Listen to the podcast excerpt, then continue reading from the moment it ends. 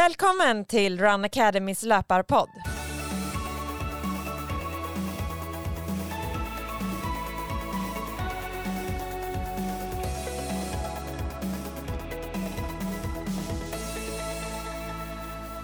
Det här är podden för alla er som gillar löpning.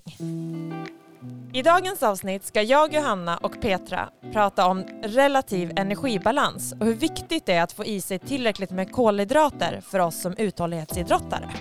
Vi kommer att följa upp en studie som har gjorts och prata med Maria Gräfning som har varit med i studien. Och Maria Gräfnings är min barndomskompis och eh, hon är universitetsadjunkt på Högskolan Dalarna och undervisar där i näringslära.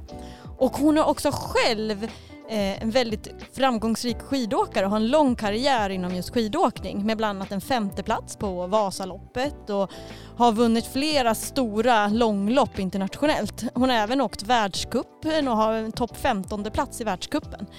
Eh, så det är en väldigt duktig, meriterande skidåkare men också löpare. Hon har faktiskt sprungit milen på 35 minuter. Så att hon eh, har ju både erfarenheten av att träna mycket men också har kunskapen inom det här området. Så det är superspännande att ringa henne och jag har ju också känt henne under väldigt lång tid så att det gör ju också att det blir extra spännande att få prata med henne om just det här. Så nu tycker jag vi ringer upp henne. Absolut. Ja, det är Maria. Hej Maria, det var Petra här. Och Johanna. Nej men tjena! Hej, vad kul att vi får prata med dig. Ja, superroligt. Ja men vad kul att jag får vara med, verkligen.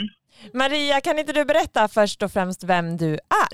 Eh, ja, vem är jag? Maria Grannings heter jag, eh, född och uppvuxen i Falun, eh, där jag då arbetar som universitetsadjunkt. Så jag undervisar i Dalarna i fysiologi och eh, näringslära och då för sjuksköterskor och även på eh, tränarprogrammet och för lärare.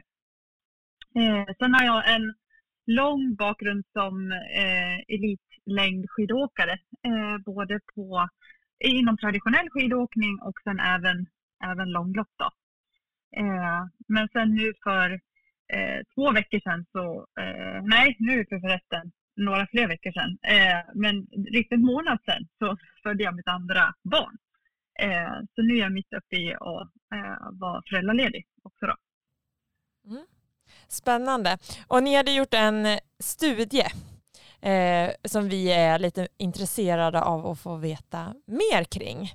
Eh, och den handl- så du kan väl berätta vad studien handlar om så kan vi eh, fortsätta sen. Ja, ja men precis. Alltså, eh, studien då, eh, som jag tror ni tänker på, på kvinnliga eh, uthållighetsidrottare då, eh, det är en del egentligen av ett stort forskningsprojekt som kallas för FUEL, eh, Förstå uthållighetsnutrition, ett lärprogram är liksom förkortningen för FUEL som det står för. Eh, och det här stora forskningsprojektet då, det är ett samarbete mellan eh, Linnéuniversitetet, eh, Olympiatoppen i Norge, Eh, du har universitetet i Agder, du har eh, institutionen i Irland, eh, Sport Institution och sen har du även från Tyskland. Då. Ehm, och det övergripande syftet med FUEL det är liksom att öka kunskapsnivån och utveckla en effektiv behandlingsmetod då mot relativ eh, energibrist. Eh, det är liksom det huvud, huvudsakliga. Eh, och Eh, sen då är ju eh, grunden i, i FUEL-projektet är att deltagarna då är kvinnliga uthållighetsidrottare som tränar minst fem dagar i veckan eh, och är tävlingsaktiva. Eh, och de här kvinnorna då ska ha symptom på relativ energibrist utan att ha en underliggande sjukdom alltså anorexi eller bulimi, utan eh, de är inte eh, de är exkluderade i den här studien. Då. Eh, sen har deltagarna kostregistrerat då i sju sammanhängande dagar samtidigt som de har eh, antecknat all träning de har eh, utfört. Eh, och sen så har de genomgått en intervention där de har fått eh, rådgivning av en idrottsnutritionist och sen fått, även fått utbildning inom eh, nutrition. Då. Och sen så har vi gjort uppföljningar med, med datainsamling. Så det är en väldigt så här, omfattande eh, eh, projekt då, där det kommer publicera, vi kommer publicera eh, en hel del artiklar på. Eh, men det som vi redan då är, är eh, i princip klara med då, det är en studie på det här från, eh, från Fuel. Eh, och där har vi tittat på eh, timing då kring kolhydratintag i relation till eh, träningsbelastning hos de här kvinnorna, då, uthållighetsidrottarna. Eh, och eh, eh, varför har vi just tittat på kolhydrater då, eh, och timing kring det? Eh, jo, det är ju just för att kolhydrater är essentiellt bränsle för eh, uthållighetsidrottare med hög intensitet och, och mycket eh, power och även liksom långvarig träning, tävling på, på medel till hög intensitet. Eh, för att eh, energi kan utvinnas både eh, aerobt och anaerobt, det vill säga om man har tillgång till syre eller eh, jobbar så högintensivt så att det bildas en, en del mjölksyra så, så, är det kolhydrater man använder som främsta eh, bränsle. Så att det är liksom en, en snabb och effektiv energikälla eh, samtidigt som man kan upprätthålla en hög intensitet under en relativt lång tid. Eh, samtidigt så är ju kolhydraterna begränsat eh, lager av i kroppen. Så därför så är det mycket stort fokus kring kolhydratstrategier eh, liksom och intag eh, kring det inför, under och efter träning för att liksom optimera återhämtning och eh, prestation. Då. Eh, och, där, och därav så finns det också tydliga kolhydratrekommendationer kring just tajmingen då, kring kolhydratintag innan, under och efter träning. Så det vi gjorde då var att eh, de här kvinnorna registrerar ju allt de åt och allt de tränar. Eh, så då tittar vi, hur ser det ut då? Hur såg deras kolhydratintag ut Eh, eh, jämfört då med internationella näringsrekommendationer. Det var det vi gjorde i, i, i den studien som i princip är, är klar. Då.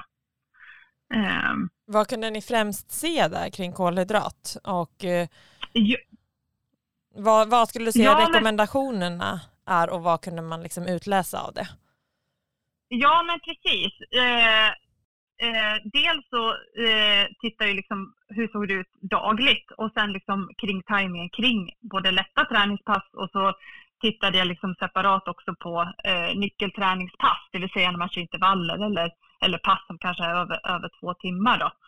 Eh, och generellt då så visade det sig att kolhydratintaget det var anmärkningsvärt lågt jämfört då med rekommendationerna. Eh, och i, i den här studien då, det var ingen av deltagarna som uppnådde Eh, det rekommenderade dagliga intaget av kolhydrater utifrån individuell träningsbelastning. Då.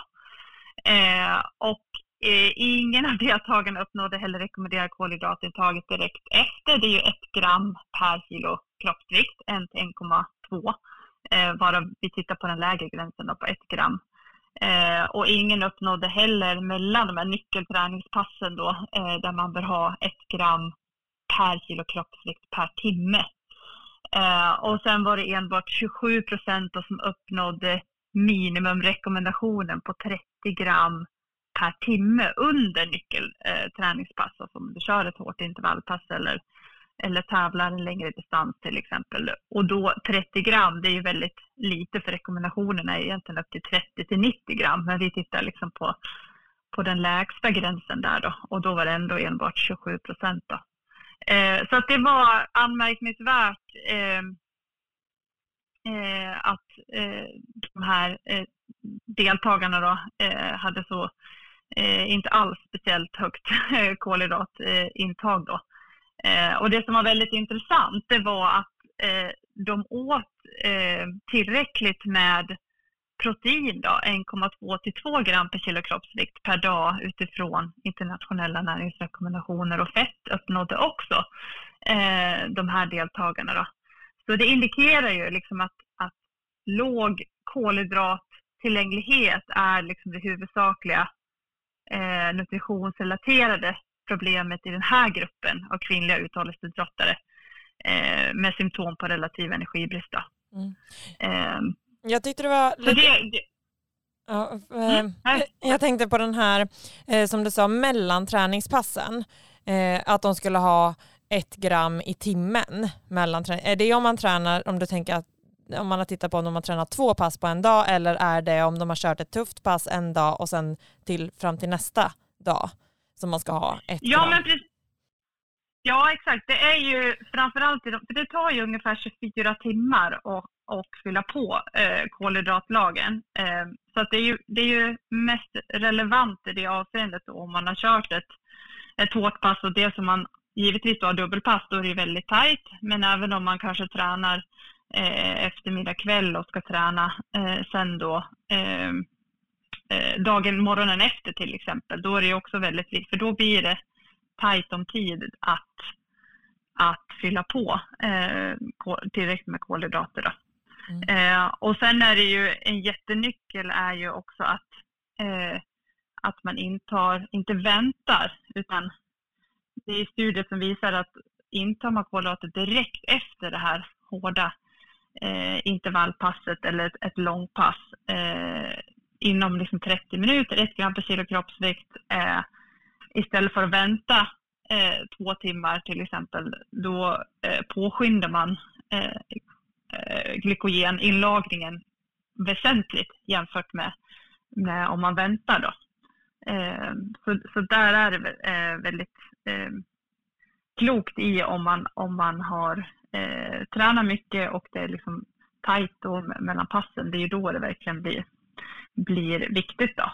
Eh, men tränar man eh, tre dagar i veckan och, och, och eh, då har man ju gott om tid på sig. Eh, då blir, blir de här eh, rekommendationerna inte att, eh, liksom viktiga eh, på det sättet. Då.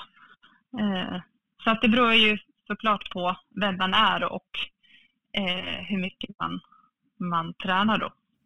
Just det. Det var spännande. Va- Vad tror ni anledningen var att de låg så lågt i kolhydratintag, att de inte fick i sig tillräckligt? Eh, ja, det är ju, kan vara eh, många, många anledningar. Eh, dels kan det vara en, en omedvetenhet, att man helt enkelt inte eh, vet, man har kunskap om hur mycket, hur mycket behöver jag äta och hur mycket kolhydrater behöver jag eh, få i mig. Så det behöver ju inte vara en, en medveten strategi på något sätt. Eh, Sen har studier också visat att när man har kört ett hårt intervallpass till exempel, då har man inte samma aptit heller. Så även fast man behöver ett så, så känner man, man känner ingen hunger och inget sug.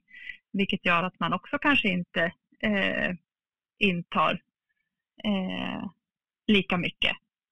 Eh, och sen kan det ju vara att man inte har tid, eh, en tidsaspekt, att man har ett eh, upptaget eh, schema eh, där man helt enkelt, man kanske har skola och jobb och det ska hinna med alla träningspass och så, så att eh, dagen bara rullar på utan att man tog sig den, den tiden. Eh, eller så kan det vara att man, eh, man Ehm, kanske har hört att, eh, att eh, och tror på att ja, men äta eh, lite kolhydrater då eh, kan jag få en bättre eh, träningsadaption eh, eller att jag eh, kanske går ner i vikt och, och så vidare. För att, som det är i, som i uthållighetsidrott så, så är ju eh, vikten har ju eh, stor eh, betydelse för prestationen eftersom du ska bära på din, eh, din kroppsvikt eh, eh, under resans gång så att säga när du tränar och när du tävlar mot gravitationen. Så att, eh, så att man vet att vikt och kroppskomposition är en, är en eh, väldigt viktig del för prestationen. Eh, vilket också gör att eh, sannolikheten att man, att man fokuserar väldigt mycket på det eh, och på det viset då eh, tar bort väldigt mycket kolhydrater är också en faktor.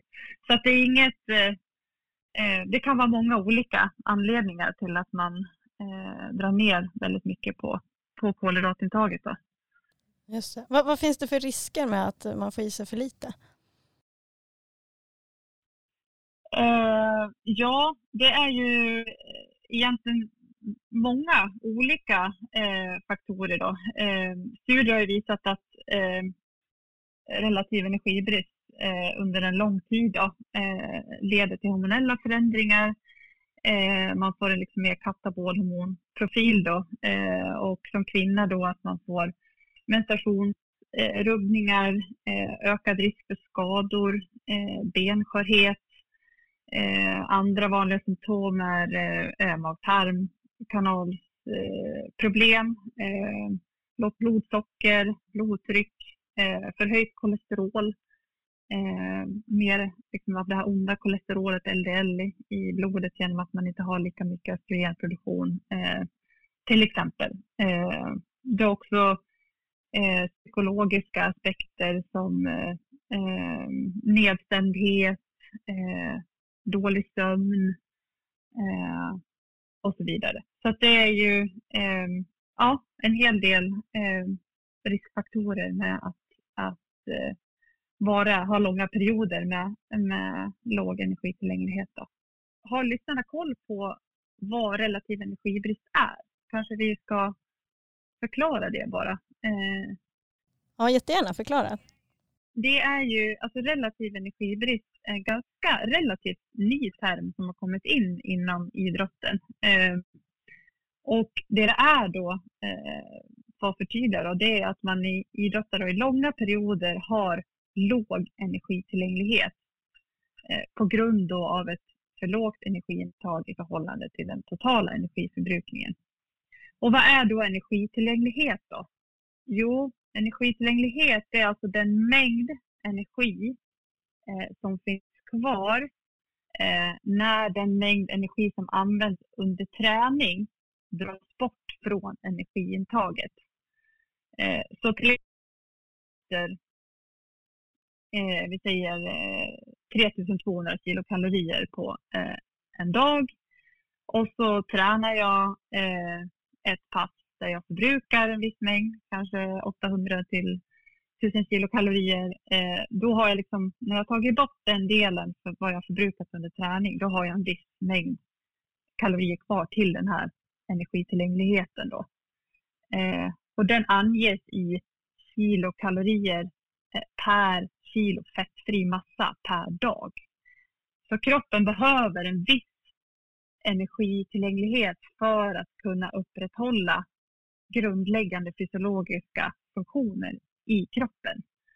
Eh, så att du använder ju en viss mängd energi när, när du tränar och den energin liksom, den går åt, den kommer, kommer behövas. Och därefter så behöver kroppen en viss mängd energi för att kunna utföra basala eh, funktioner då liksom i, i kroppen.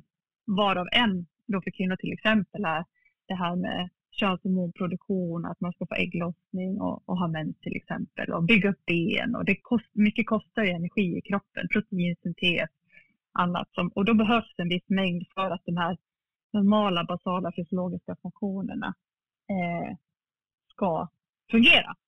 Och eh, har man en låg energitillgänglighet under en väldigt lång tid då, det är då man har sett de här eh, symptomen som jag pratade om. Då, att det kan eh, ge benskörhet eller nedsatt prestation eller ökad risk för skador, stressfrakturer och mag-tarmkanal och, och, det jag pratade om innan. Då.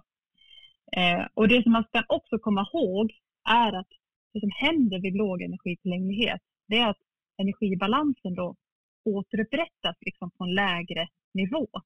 Vilket betyder att idrottare då kan vara helt viktstabila. Man Behöver alltså inte gå ner i vikt utan man är viktstabil. Men samtidigt har man då för låg energitillgänglighet för normal fysiologisk funktion då, med ökad risk för, för ohälsa och skador och så. Eh, så att det är inte så att, eh, att eh, man behöver ha en viktnedgång hela tiden för att ha relativ energibrist. Så det är viktigt att ta med sig också. Då. All this doubt around me, damn, but look, I got it right. Don't you try to hit me, now you live a petty life. All those nights I laid awake, I pray for better life. Now I wake up with a baddie like I said I might. This a better life, you never tried, I bet it right. This a better life, you never tried, I bet it right. You been stuck just where you at because you never tried. Want a better life, I had a time, I bet it right. Yeah, I just took a test and yeah, let me right. Yeah, I rolled the dice. Yeah, women, I'll be bad because the fuck was nice. But yeah, I must admit that this ain't overnight. I just hit the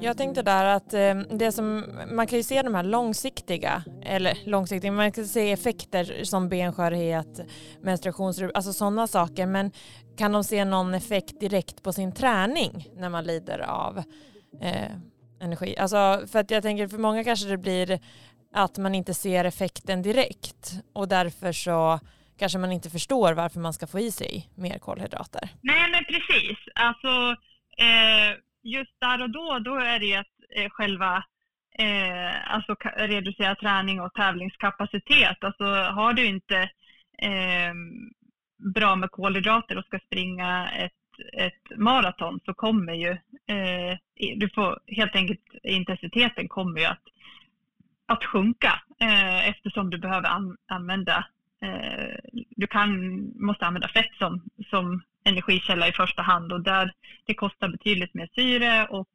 då kommer du behöva, kan du inte jobba på lika eh, hög, inten, hög intensitet. Eh, så det är liksom rent liksom kortsiktigt att, att eh, eh har du inte kolhydrat så kan du inte jobba på lika hög eh, intensitet då, eh, och därav springa långsammare. Eh, sen sen så det är liksom det kortsiktiga. Sen är det långsiktiga som ja, det jag pratade om eh, innan då. Eh, som också blir risk då för överträning såklart om man liksom inte får den återhämtning man behöver och, eh, och så vidare. Men det är ju, det är ju inte eh, farligt att ligga på eh, låg energitillgänglighet i liksom, eh, kortare perioder. Det är just när det blir liksom kroniskt under en väldigt, väldigt lång tid eh, som man har sett studierna visat. Då de här eh, ökade riskerna för, för, för olika eh, parametrar. Då. Men just att man behöver sänka tempot under eh, långa lopp eller så. Alltså det, man, alla kanske inte relaterar det till just att de har fått energibrist utan de kan ju tänka tillbaka vad man har gjort annorlunda i träningen eller om man inte har tränat tillräckligt. Alltså det finns ju så många aspekter som kan göra det svårt att veta att det är just energibristen eller energitillgängligheten. Absolut.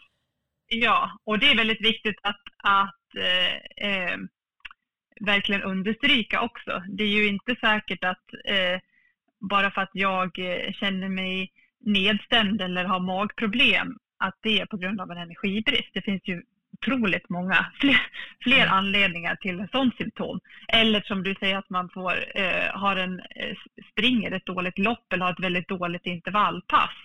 Det kan ju vara relaterat till väldigt många eh, många andra eh, aspekter också. Eh, som till exempel att man har eh, sovit dåligt eller man har eh, tränat väldigt mycket så man är väldigt belastad eller du vet, någonting har hänt i livet eller, mm. eller eh, man kanske har lite sjukdomssymptom eller vilket gör att man inte alls presterar som, som man har förväntat sig. Så att det är ju väldigt, eh, det är väldigt komplext eh, och så att ja, så det måste man ju ha med sig att, att, eh, att, eh, träning och tävling och prestation har ju så otroligt många fler aspekter än just bara hur jag förberett mig näringsmässigt. Mm. Hur prestationen kommer att falla ut. Så är det ju. Absolut. Mm. Jag tänkte den här studien var ju mest gjord kanske mer mot elitidrottare. Eh, hur, hur tror ni att det ser ut liksom bland vanliga motionärer eller människor om man säger? Eh, ja, alltså inkluderingskriterier för, för den studien då, det var ju att man skulle träna minst fem dagar i veckan. Eh, så. Men, men eh, tittar vi eh, på studier generellt så ser vi att, att relativ energibrist är eh, ett vanligt fenomen även bland eh, motionärer och inte alls bara elit och det är inte alls heller bara relaterat till kvinnor utan även hos män. Eh, så att man inte glömmer bort den aspekten också. Att eh, det är inte bara ett, ett problem liksom bara hos den, den kvinnliga delen av befolkningen utan även hos, eh, hos män. Då. Eh, så att det existerar i liksom alla, alla led. Eh, så. Mm. Eh, gör det. kan man säga att ja, men man borde i alla fall träna så här mycket i veckan för att man ska vara i riskzonen? Eller, förstår du? Nej, det går inte att säga. För att Nej. det är ju hur du balanserar ditt energiintag eh, jämfört med, med din energiförbrukning. Så, så det är inte mängden du tränar som kommer att avgöra om du befinner dig i eh, relativ energibrist eller inte. Du kan ju träna eh, liksom 20-30 timmar i, i veckan och eh, liksom springa massa mil utan att ha relativ energibrist om du har ett eh, välplanerat och eh, medvetet eh, kostintag. Samtidigt som du kanske eh, ja, tränar liksom tre, fyra dagar i veckan, en timme vardera, men, men har ett eh, väldigt lågt eh, energiintag så, så kommer ju det göra att man eh, kan befinna sig i relativ energibrist. Så att det är inte, inte mängden du, du tränar som kommer att avgöra utan hur du balanserar ditt eh, kostintag i förhållande till din totala energiförbrukning. Men det är ju många som, liksom, eller många, men det finns, alltså det har ju varit rätt populärt att lämna bort kolhydrater i sin kost. Ja, men precis. Eh, speciellt bland motionärer skulle jag säga. Nu, liksom så. Men att det, det är ändå, och hur, hur viktigt är kolhydrater för, även för motionärer för uthållighetsträning? Ja, alltså det är ju eh, otroligt viktigt. Eh, och eh, som jag nämnde där i början då att det är ju ett essentiellt bränsle liksom för eh, uthållighetsidrott. Eh, eh, även, det spelar ingen roll om du är motionär eller om du är på elitnivå.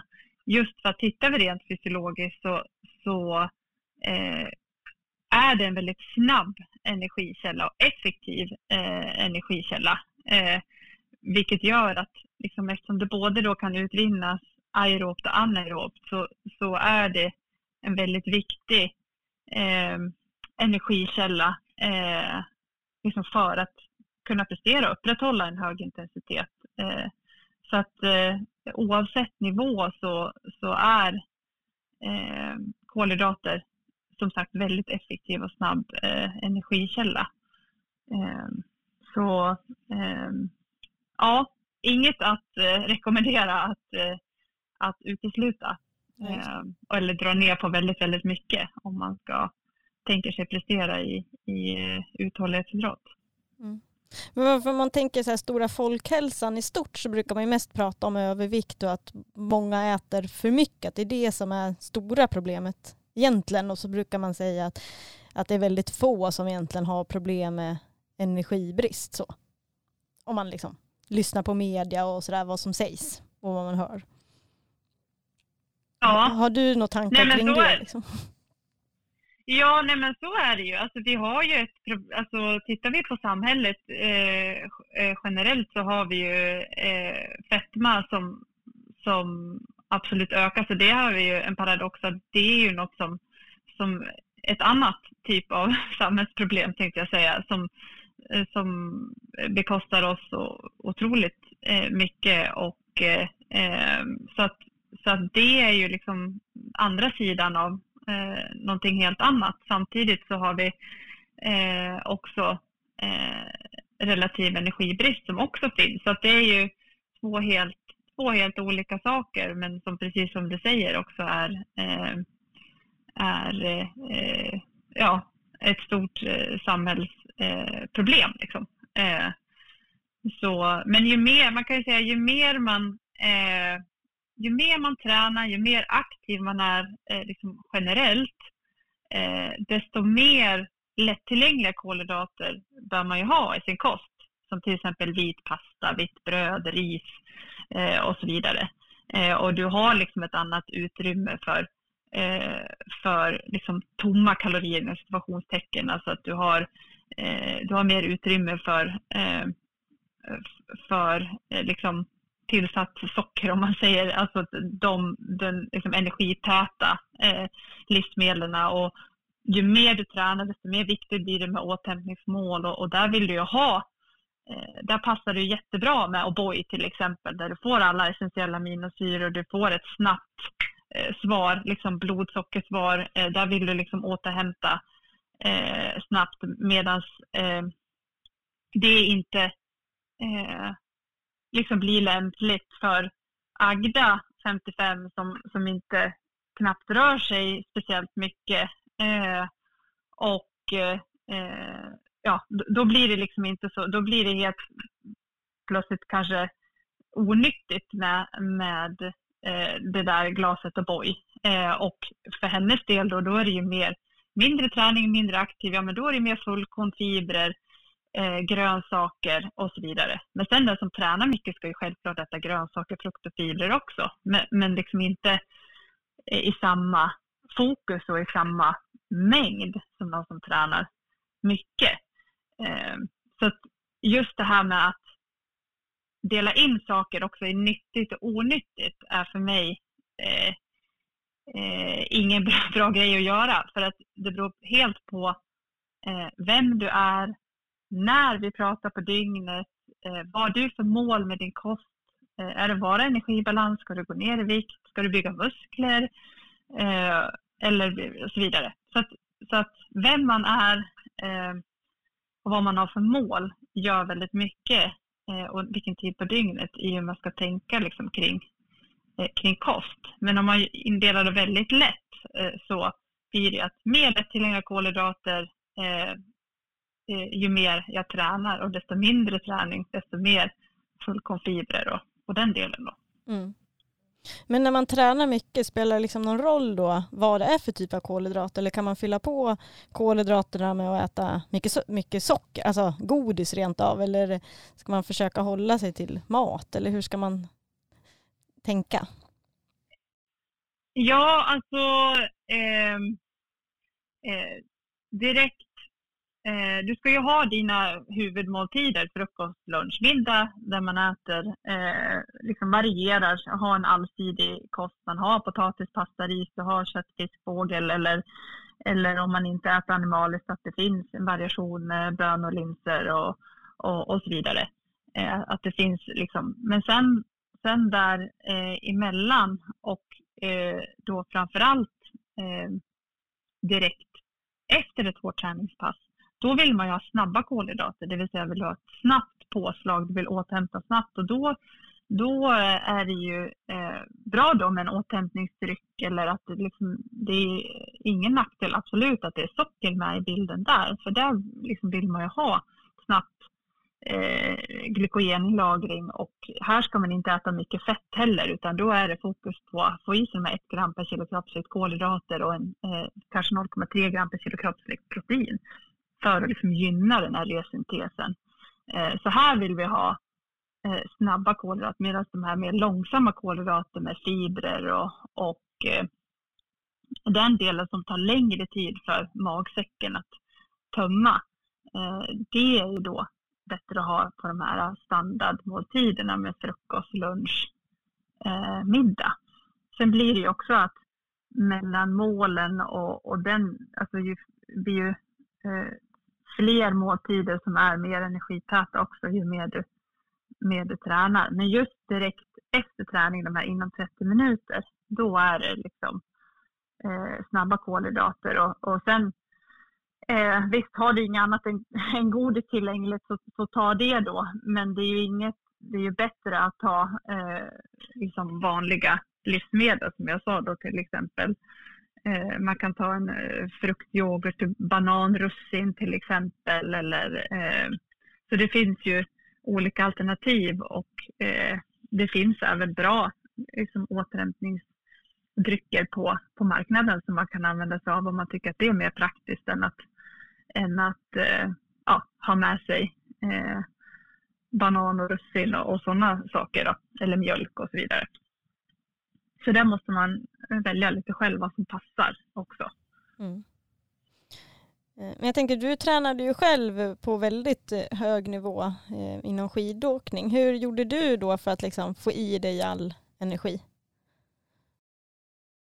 ja, nej, men jag tror faktiskt att jag vann väldigt mycket på det att jag hade så bra kunskap, måste jag säga. Så att jag Eh, vad skulle jag ladda på inför ett långlopp, till exempel Vasaloppet, då, eh, då eh, såg jag ju till att verkligen ehm, dels så drar man ju ner volymen eh, liksom sista veckan eh, en del innan man ska eh, prestera på eh, själva loppet samtidigt då som jag verkligen eh, fokuserade på att få i mig eh, mycket kolhydrater då eh, inför loppet så att säga. Men sen då eh, dagen innan eh, då åt jag inga liksom, överdrivna mängder av kolhydrater utan jag åt bra med kolhydrater men jag ville liksom samtidigt inte känna mig liksom, eh, vad ska jag säga, eh, alltså övermätt eller vad ska jag säga. Alltså jag åt, fyllde på riktigt bra de här eh, tre, fyra, eh, två dagar innan och sen dagen innan så, så åt jag väldigt bra men, men inte det här eh, eh, ja, Tröck jätteöverdrivet liksom. Nej, jag tröck inte precis. Eh, och, och sen så hade jag ju ett väldigt eh, otroligt noggrant planerat eh, schema då med så att jag skulle få i mig ja, minst 60 gram i timmen då av kolhydrater under hela loppet. Kanske lite mer också, upp mot 90 gram. Men någonstans, eh, målet var i alla fall att få i sig 60 till 75 gram eh, per, per timme då, eh, av, av kolhydrater. Och det gjorde att jag fick blanda sportdrycker till exempel lite extra starkt mot vad det står på förpackningen för, för att det skulle få i mig då eh, den mängden. Eh, och ofta var jag ju väldigt stark i slutet av lopp, långlopp också. Eh, så dels eh, så så är det såklart alltså genetisk faktor och eh, vad man har eh, tränat och så innan och vad man har för förutsättningar och syreupptag och så vidare. Men eh, en del i pusselbitarna eh, tror jag absolut var också att jag hade en väldigt god medvetenhet hur jag skulle lägga upp det och hade tränat på det så magen är van på det också. Eh, för det blir ju, har du aldrig liksom ett kolhydratintag när du tränar eh, och förbereder dig och sen helt plötsligt kommer du på tävling och ska ha i dig minst 60 gram i timmen, då, då kanske inte mag-tarmkanalen är van vid det eh, och att man reagerar starkt. Så det är viktigt att man har tränat på det innan så att man är förberedd. Och att man fyller så... på med energi hela vägen, som du var inne på. Att det är liksom dels att ja, man ja, börja tidigt. Ja. ja, precis. Det måste man göra. Man måste börja innan man känner sig sugen eller innan man känner sig tom eller upplever mm. att man är törstig och så vidare. Att du måste börja i tid och ha det upplägget och sen också ha tränat på att gjort det här innan så att det liksom inte, man tänker så här, men nu, nu ska jag tävla och då ska jag ja, inta eh, de här gelen eller den här sportdrycken eller kombination av det och då ska jag äta det här till frukost. Och så har man aldrig gjort det innan. då blir det liksom chock för magen. Eh, så, att, så att dels att man har ett bra upplägg under själva eh, tävlingen men också att man har gjort det liksom innan så att man vet hur magen reagerar och att det, att det fungerar eh, på ett bra sätt. Så. Men jag tänker, du, som, men men du var inne på det här att man drar ner på träningen sista veckan eh, och att det liksom, ja men dagen innan, det är kanske inte den som är den viktiga utan det är de där två, tre dagarna Alltså eh, hur, hur många dagar innan skulle, alltså, och hur mycket mer äter du? Om jag tänker så här, äter du den mängd du äter när du tränar eller lägger du på extra inför loppen? Um, Eftersom att du drar ner på träningen så borde man ju få ett överskott av att äta ungefär lika mycket. Absolut. Ja men exakt. Så jag, jag skulle säga att jag, att jag behöll ungefär lika mycket som när jag tränade eh, liksom en tuff träningsvecka. Fast jag tränade ju inte en tuff träningsvecka utan jag hade ju väldigt eh, liksom låg volym in, inför, särskilt om man ska liksom formtoppa. Då. Mm. Eh, så eh, ja, för ungefär där skulle jag vilja säga. Eh, eh, och det fungerade, fungerade bra för, för min del. Då. Sen får man hitta sin, sin individuella eh, plan som funkar för en, för en själv. Men jag skulle vilja säga att eh, som studier visar också eh, verkar det som att män är bättre än kvinnor på att, eh, att eh, ja, men kanske eh, lagra och eh, och eh, liksom äta, när man äter de här extra liksom kolhydraterna, att liksom nyttja, eh, nyttja det då. Eh, men det som blir otroligt viktigt är ju planeringen under loppet. Eh, som vi sa, att man börjar tidigt och att man har en bra planering där, så man får i sig de här 60 gram eller 60 upp till 90 gram i timmen. Eh, så, så att man verkligen har det planerat eh, bra för sig.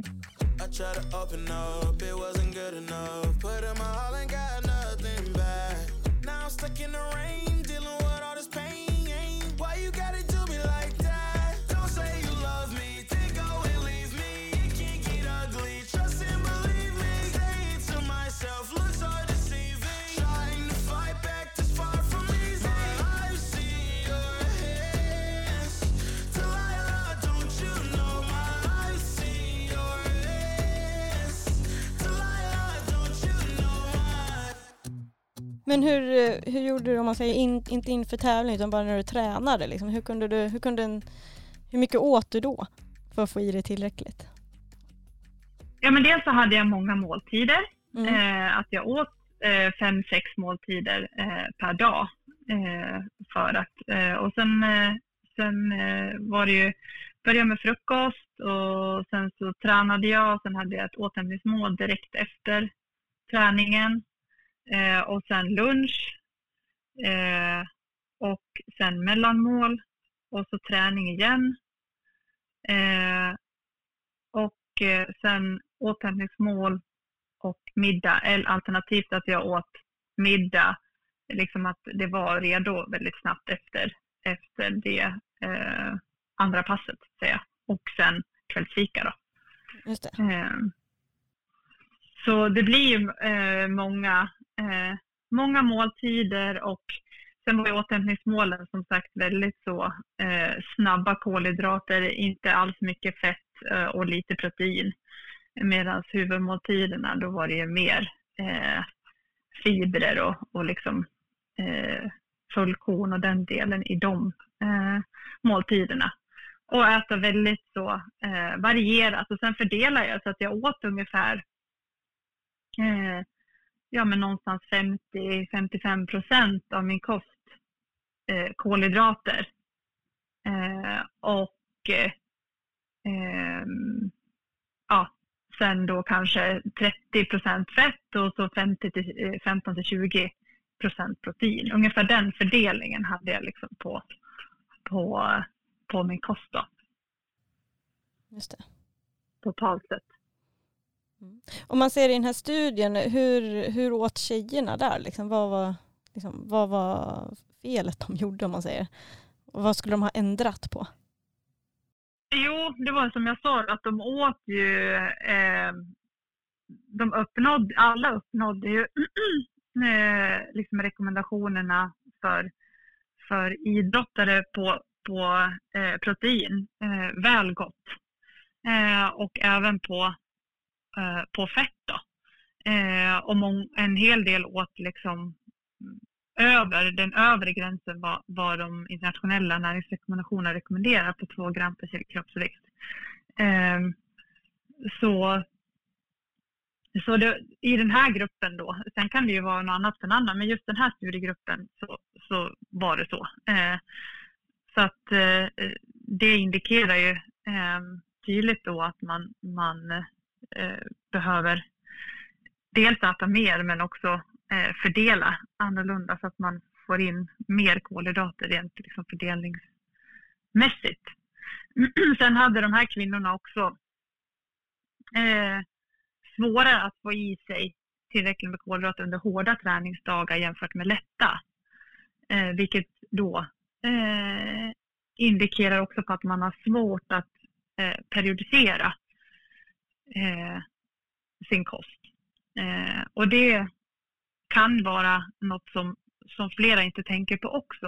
Eh, är att man är att ofta periodiserar man ju träningen. Att man tränar hårt och så vilar man och man tränar kanske intervaller ett par dagar i veckan och däremellan så har man distanspass och så vidare. Att man har en, en tanke i hur man periodiserar sin träning.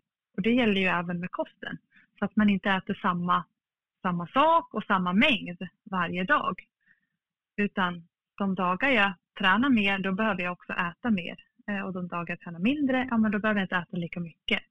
Så att man periodiserar, eh, periodiserar den delen eh, också.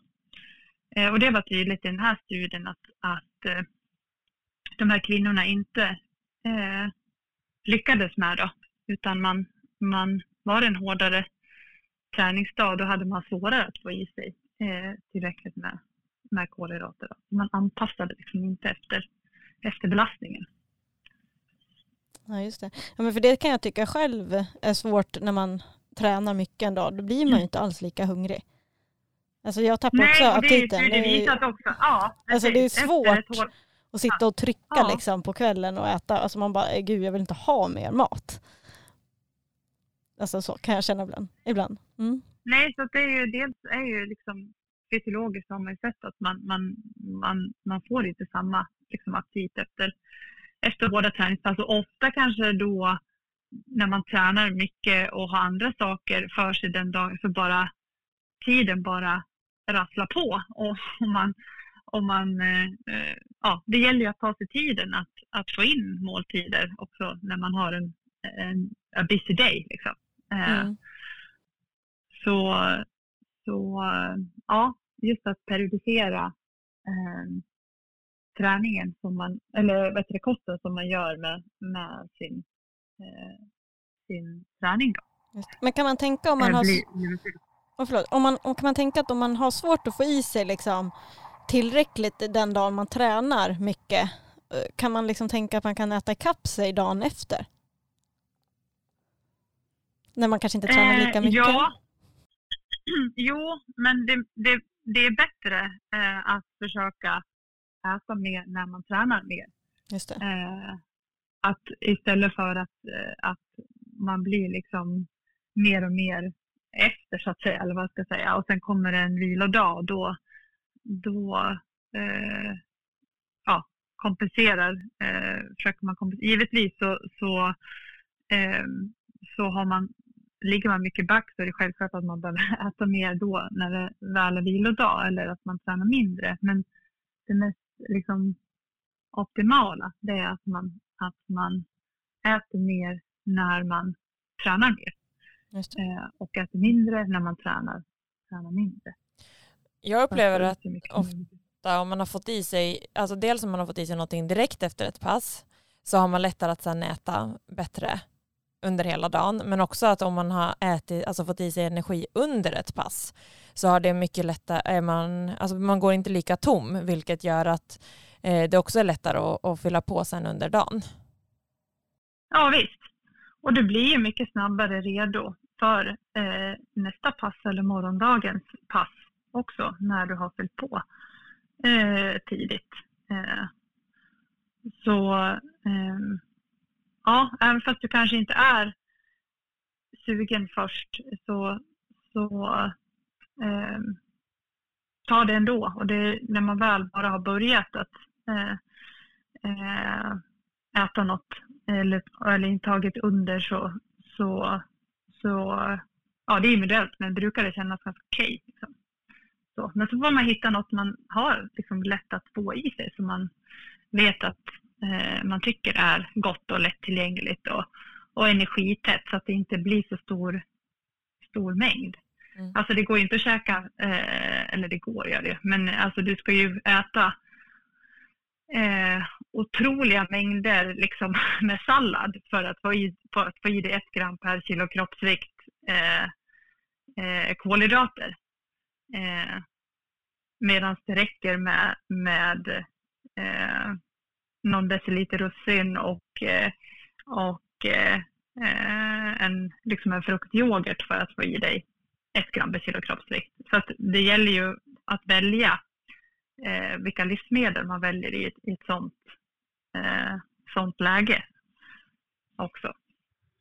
Ja men verkligen. Och dricka brukar oftast vara lättare också, direkt efter träningspass. Ja, exakt. Ja, precis. Dricka är lättare än att, att uh, ha något man ska tugga. Men det är ju individuell smaksak och det mm. spelar ju ingen roll om det är i eh, drickform eller om det är fast föda eller vad som passar en, eh, en själv. Huvudsaken att det är ju i det här fallet att det blir liksom energitätt men hög kolhydrathalt. Jag underlättar det för den eh, eh, på det viset. Då. Men hur ska man tänka om man, eh, om man vill gå ner lite i vikt?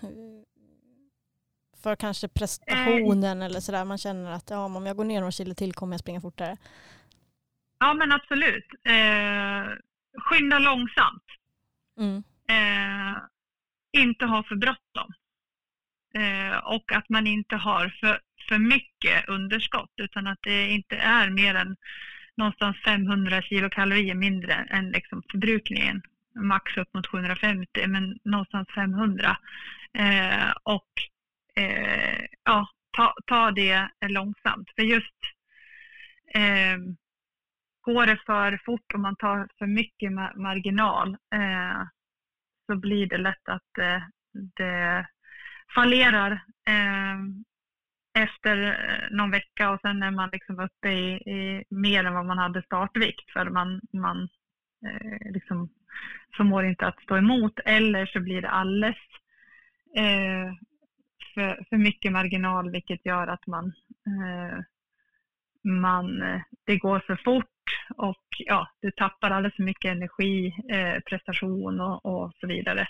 Och lättare att bli skadad och, och sjuk mycket och sådär. Eh, så, att, så att skynda långsamt, det är väl ett eh, verkligen ett eh, gott tips eh, från min sida. Eh, och sen också att inte förbjuda någonting, Eh, utan eh, ät av allt. Eh, alla makronutrienter, ät protein, ät fett, ät kolhydrater, ehm, ät en godisbit ibland och så vidare. Förbjud ingenting, utan att man man eh, äter av allt. Eh, och, eh, och som sagt inte dieta och där man liksom förbjuder en massa saker för då, då är det lätt att eh, det, det inte blir hållbart och hälsosamt. Men självklart, alltså ska man göra det som fungerar bäst för, för en själv. Vissa dieter funkar ju jättebra för vissa personer, så, så är det ju. Men generellt sett så skulle jag vilja säga att skynda långsamt och, och, och eh, eh, förbjud ingenting. Det är liksom, ibland tror jag man krånglar till det alldeles för mycket. Eh, att gå tillbaka till det här ABC. Ät varierat eh, och eh, skynda långsamt så, så eh, blir det en, en bra viktnedgång. Liksom. Mm. Men, men hur ska man veta hur mycket man ska äta? Ja, eh, hur ska man veta att man får i sig tillräckligt mycket energi och hur mycket man ska äta? Mm. Det är ju eh, inte helt lätt att svara på. Jag tänker så här, eh, fråga sig själv också, hur, hur mår jag? Eh, har jag någon av de här symptomen? Har jag som kvinna regelbunden eh, menstruation? Eh, sen kan man ju Äter du p-piller så är det ju svårt att säga för då har du liksom inte ägglossning eller liksom i den eh, bemärkelsen då. Så det blir liksom, men annars eh, har jag regelbunden eh, menstruation utan att ha någon annan underliggande sjukdom eh, som beror på den här eh, dysfunktionen. Eh, det kan ju vara liksom en, en hint om eh, hur ser min eh, benhälsa ut? Har jag lätt för att få en stressfraktur? Har jag eh, eh lätt för att bli skadad? Är jag ofta sjuk? Eh, kanske man och liksom kan fundera åt, åt det hållet. Eh, hur ser min eh, järnnivå ut? Eh, har jag järnbrist? Ja, men det kan ju vara ett tecken på att man inte får med energi. Eh, har jag ofta problem med magen? Eh, sover jag bra? Hur är mitt humör? Hur är min ork på träning? Upplever jag att jag ofta går mig tom hela tiden?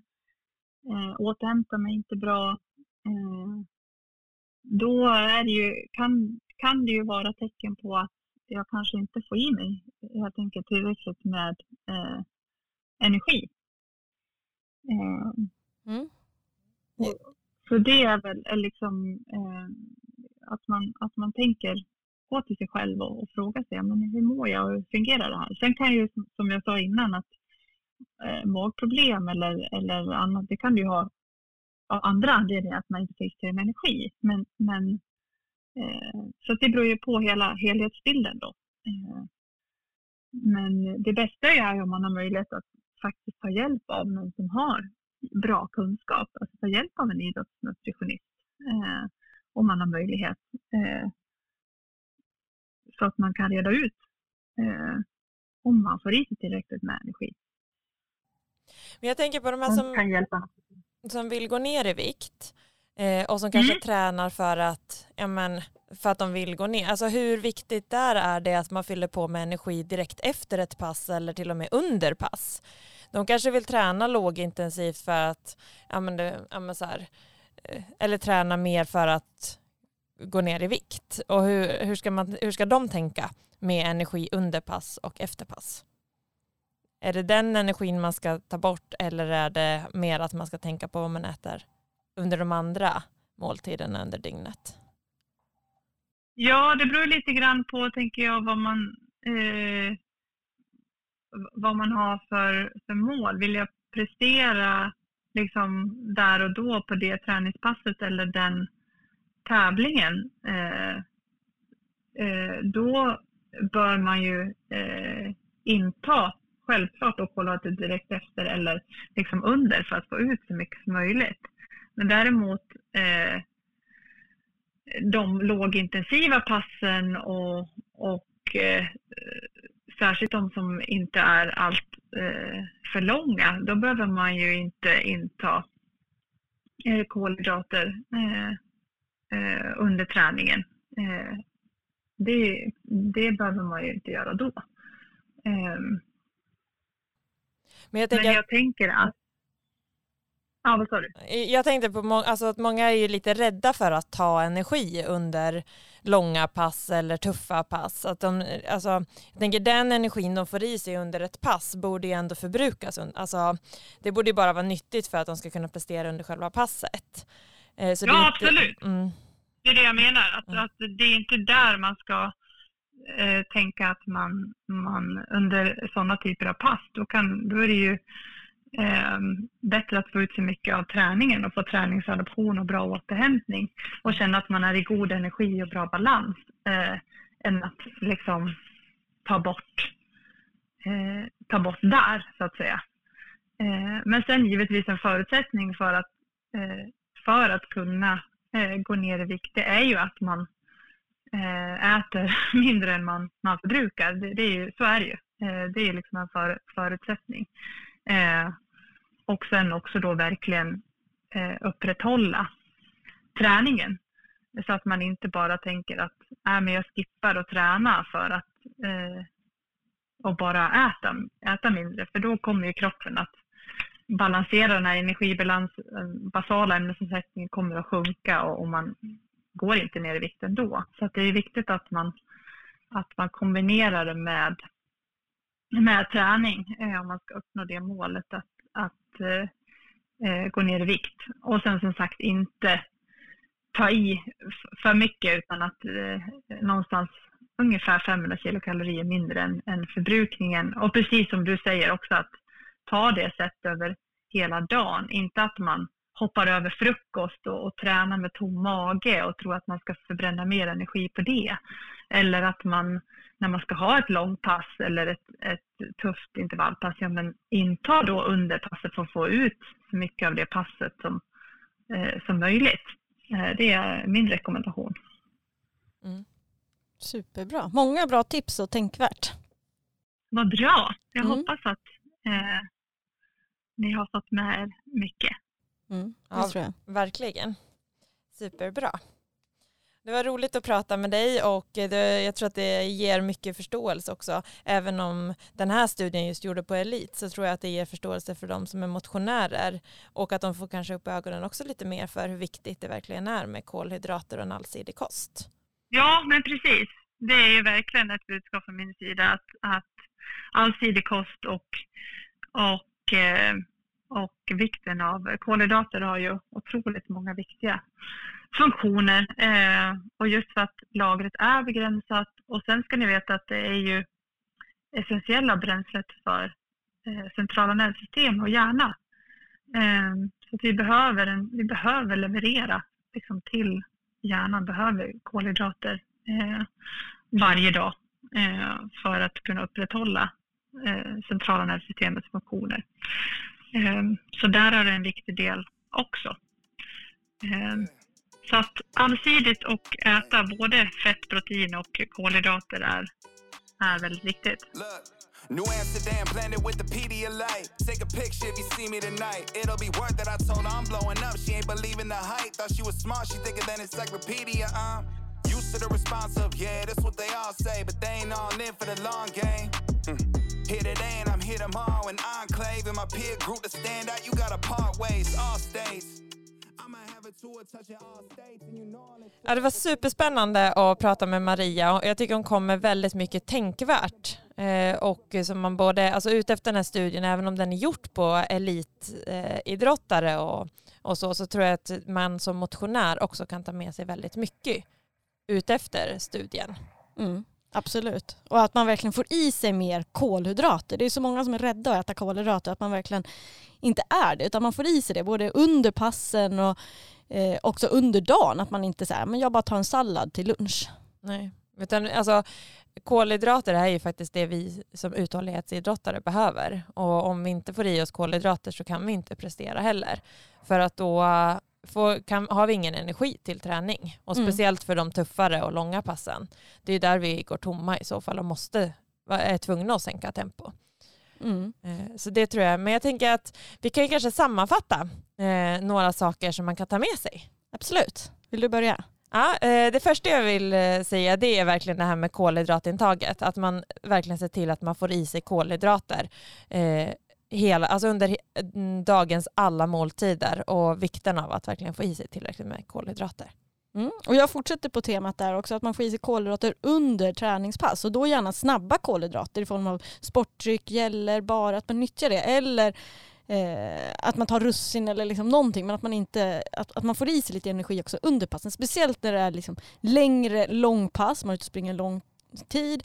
Eller också om det är väldigt hårda pass så kan det också vara bra att få i, fylla på med lite energi i form av sportdryck till exempel. Mm. Och sen kommer man då till efter träningen, att man fyller på med energi snabbt efter träning, alltså inom 30 minuter. Och där är det samma sak, något som går fort. Eh, oftast kan det vara lättare att kanske dricka. Apelsinjuice funkar bra, fruktyoghurt som Maria pratade om, alltså någonting som ger mycket kolhydrater är bra att fylla på med direkt efter träningen. Mm.